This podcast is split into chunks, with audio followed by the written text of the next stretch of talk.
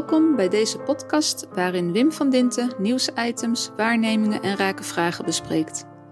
Veel zaken worden pas echt interessant als je dieper graaft en daar kom je altijd een laag van betekenisgeving tegen. In de podcast van deze week hoor je het audiospoor van de vlog van Wim van Dinten, waarin hij vertelt dat hij vaak hoort dat mensen niet weten hoe ze moeten stemmen tijdens de verkiezingen volgende maand. Er zijn ontzettend veel partijen die allemaal iets van belang vinden en waarvan ze merken dat de staat en de politiek er geen betekenis meer aan geeft. Als kiezer voel je dit ook. Wim vertelt wat er achter dit gevoel schuilt, wat er aan de hand is en geeft drie alternatieven die je kunnen helpen een keuze te maken wat te doen met jouw stem.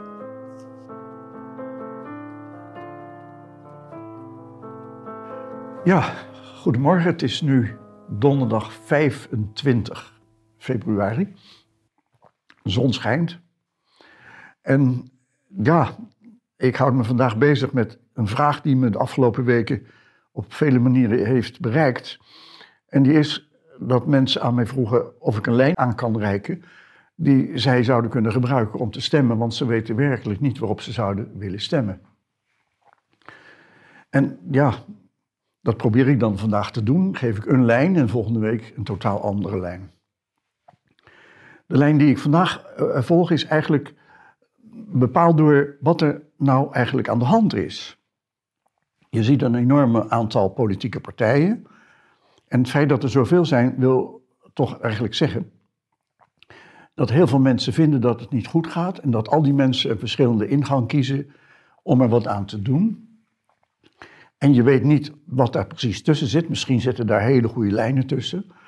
Uh, je hebt het misschien ook gezien dat Jos de Blok met een partij kwam over zorg. Maar die kwam niet op de kieslijst. Waarom is mij niet helemaal duidelijk, maar dat gebeurde. En je ziet tegelijkertijd dat, ja, als je zegt: Ik weet niet op wie ik wil stemmen. Je toch eigenlijk vindt dat de zittende partijen niet jouw stem zouden moeten krijgen. Maar de vraag is of je weet waarom dat niet moet. En je zou dan misschien willen weten of er tussen die, al die nieuwe partijen partijen zijn waarvan je denkt: Nou die spreekt mij aan. En dan merk je dat je door de media niet geholpen wordt om dat te vinden. Of het nou de krant is of de televisie. En dat zelfs op de televisie er debat ontstaan met, met lijsttrekkers van de gevestigde orde. Maar die zie je al het hele jaar door en al jarenlang. En ja, je kunt eigenlijk zeggen dat als in een democratie het erom gaat dat de media de informatievoorziening regelen. En ze zijn zo besloten geraakt, doordat je steeds dezelfde groep mensen ziet, zowel in die praatshows als nu weer bij de verkiezingen. Dan zitten de media in deze, onze democratie, ook in het hart van het probleem. Om zich zei dat al, dat de klik in Den Haag en de media één grote samenhangende groep vormen. En dat ze samen het probleem bepalen. En wat is dan het probleem? Dat kennelijk de burger niet meer centraal staat. Dat kon je eh, heel goed zien toen de voorzieningenrechter meende dat de wettelijke grondslag onder het avondklokbesluit niet deugde en dat die avondklok onmiddellijk van de baan moest. De regering kwam diezelfde dag nog met een kort geding waarbij een hogere rechterlijke macht de uitspraak van de voorzieningenrechten van tafel haalden. En omdat ze niet zeker waren van de volgende uitspraak van die rechterlijke macht, besloten ze een nieuwe grondslag te ontwikkelen. Waarmee minister Grapperhaus onmiddellijk daarna in de Tweede Kamer kwam en ook daarna vorige week vrijdag in de Eerste Kamer. En ik heb dat debat in de Eerste Kamer gevolgd omdat ik eigenlijk wel wilde weten hoe nou in de Senaat erover gedacht werd. En daar viel natuurlijk onmiddellijk meneer Hein Bakker op van D66, die een betoog hield, waarbij hij een pose had, waarbij hij wel wist hoe het moest. En ook een mooi verhaal had, zeker bij het begin. Maar waarbij het op enig moment mij duidelijk werd dat hij sprak vanuit het idee dat je een rechtelijke uitspraak, een wetgeving, gebruikt als regering om iets aan de burgerij op te leggen. En het ging dus om de grondslag, de wettelijke grondslag die de staat kan gebruiken om de vrijheid van mensen te knechten en te knevelen. En je merkte daarin al dat niet de burger met zijn vrijheidsschade centraal stond, maar een wettelijk stelsel. Toen dan gisteren, woensdag, de 24e, in de Tweede Kamer het debat was tussen de regering en de Kamer over een nieuwe set maatregelen voor COVID, opende premier Rutte met een verwijzing naar Kees van der Staaij van de SGP, die dezelfde wettelijke basis had gekozen als je in de Eerste Kamer zag, namelijk dat die wettelijke grondslag die er was uh, eigenlijk niet deugde. Uh, en dat die wettelijke grondslag heel anders zou moeten worden ingericht. Dat de wet waarop die gebaseerd was een noodwet was. En de toestand die daarbij hoorde niet, niet aanwezig. En um, daarin had hij ook nog opmerkingen gemaakt over de vrijheidsgraden van de burger. En de premier ging daarop in door te zeggen dat hij liberaal was. En dan terugging naar de heer Oud, toen die nog voorman was van de VVD. En hij vertelde dan een balans tussen de vrijheidsgraden van de burger en wat de staat wel en niet mag doen. En daar voelde hij zich in thuis. En hij noemde zich, Rutte, liberaal. Maar in dat korte debatje, gesprek tussen Van der Staaij en Rutte, gebeurde er wel iets opmerkelijks. Namelijk dat ze niet zeiden dat de burger vertrekpunt is en over vrijheidsgraden beschikt, die gerespecteerd moeten worden, niet alleen maar die vertrekpunt zijn in de democratie. Nee, in taal zag het eruit als de burger krijgt van de staat de vrijheid. De staat beschikt over de vrijheidsgraden van de burger. En hier hebben we een van de grote problemen van deze tijd. Dat de wettelijke grondslag voor de staat door Bakker genoemd werd een instrument in de gereedschapskist van de staat en dus ook van de politiek. En dat je ook als Eerste Kamer het politiek opportunisme moest honoreren, want die had zijn eigen ruimte en vrijheid nodig. En daarmee zie je dat de staat bepalend is en dat de wettelijke grondslag een procedure is die de staat gebruikt om ja, ons te knechten, zeg maar. En de uitkomst daarvan is dan dat je dat wel voelt. Dat je ook wel merkt dat de burger niet vertrekpunt is, maar de staat vertrekpunt is. Dat je dat bij het toeslagenbeleid zag bijvoorbeeld. Dat mensen in de puree niet geholpen worden, maar dat de wettelijke grondslag bepalend was. Dat zie je ook terug bij de problematiek in Groningen over de huizen van de mensen. Dat de staat er niet te slaagt uit te gaan van die mensen, gaan uit van stelsels die over die mensen worden uitgerold, waarbij iedereen zegt: hoe kan dat nou? We hebben een situatie gecreëerd waarbij het rechtsstatelijke de democratie heeft gekneveld, gegijzeld. En de rechtsstatelijkheid is zo dominant geworden dat wij met onze vrijheidsschade ook bij de rechter niet eens meer verhaal kunnen halen. Wat ook bleek de afgelopen weken bij het toeslagenbeleid. En als je erop terugkijkt en je vraagt je af hoe kan dat nou, dan moet je eigenlijk al teruggaan naar een periode kort na de Tweede Wereldoorlog, toen de idee was dat moraliteit niet de grondslag kon zijn van de samenleving, maar dat het recht de grondslag moest zijn. En dat de staat dan wetten uitrolt of maatregelen neemt die over de burgerij uitrolt. En dat je dan als burger, als je vindt dat je het daar niet mee eens bent, bij de rechterverhaal kunt halen. En dat het recht dan voor iedereen toegankelijk moet zijn. Nou, we hebben nu gezien waar dat toe heeft geleid. Er is een wettelijke grondslag die ons de vrijheidsschade heeft ontnomen. En in neoliberale denken mag je uitgaan van jezelf. En niet meer is het dat wat je presteert wordt beoordeeld vanuit de samenleving, maar wat je presteert wordt beoordeeld aan wat het voor jezelf betekent.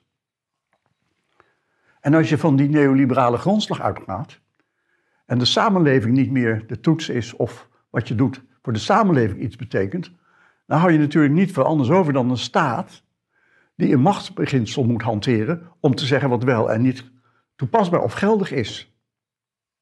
De staat bepaalt dan wat toetsbaar niet goed is of wel goed is. En als het past bij de rechtsstatelijke grondslag, dan is het dus goed. Zo doet de rechter het dus ook.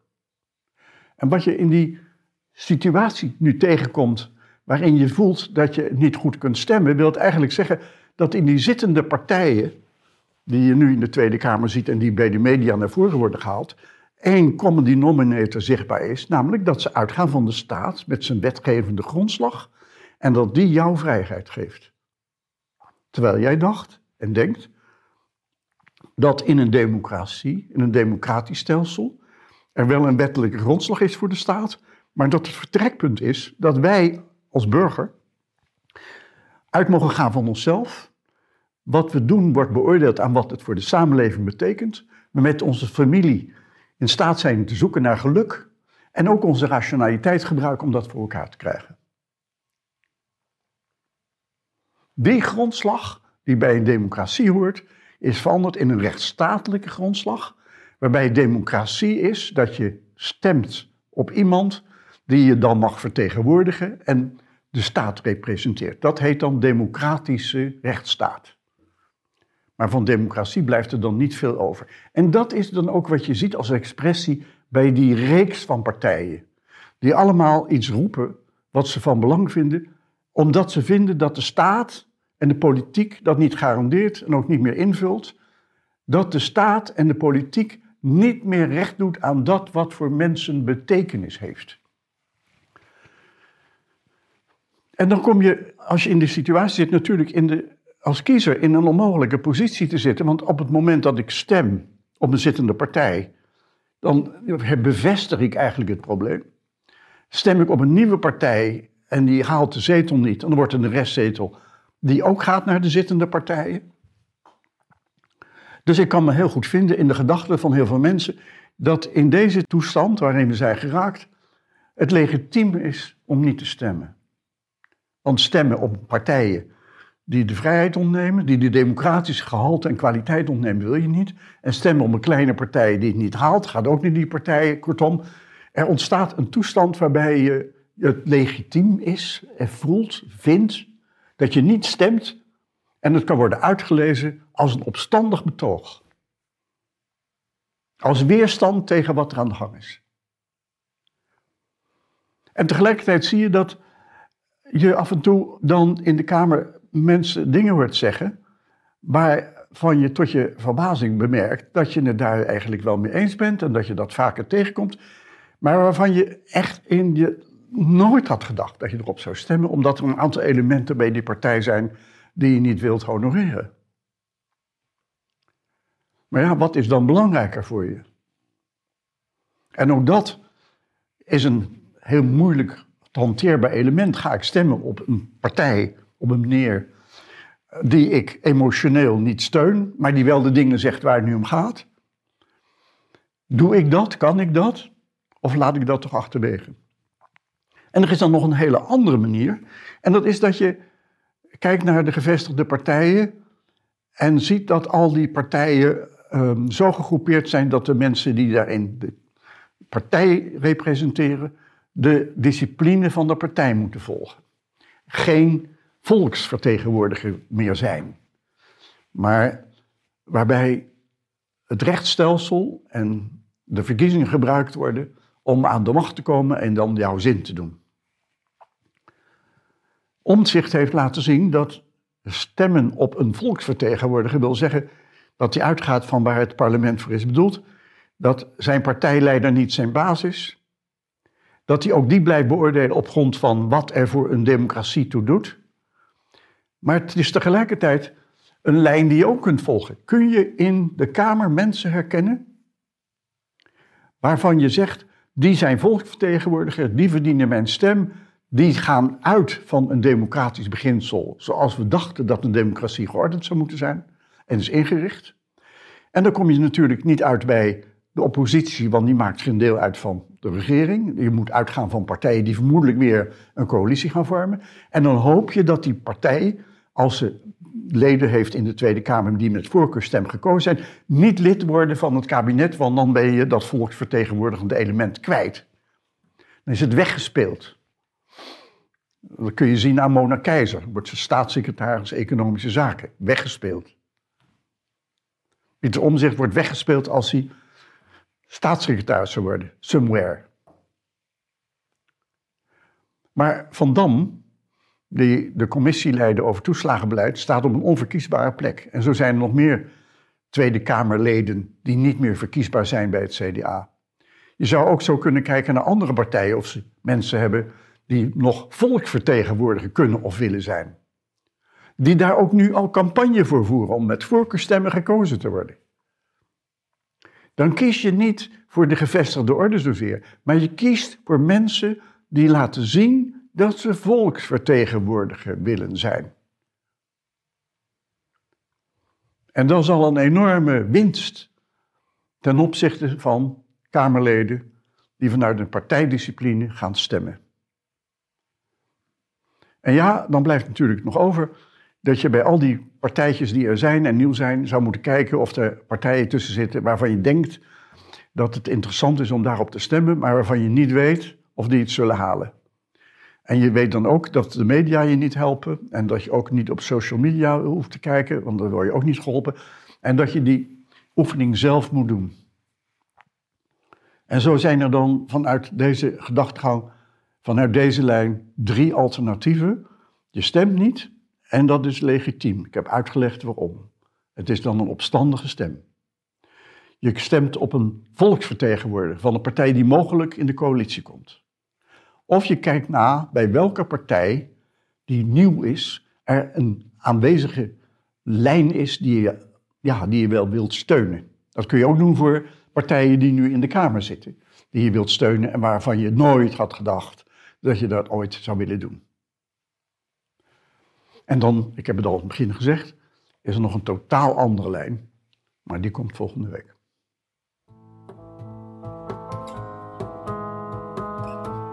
Ben je nieuwsgierig geworden naar de vlog van deze podcast? Klik dan op de link die je vindt in de omschrijving. Kom je iets tegen waar we met elkaar eens grondiger naar moeten kijken? Laat het ons weten. Stuur een berichtje naar czen, of via Facebook, LinkedIn of Twitter.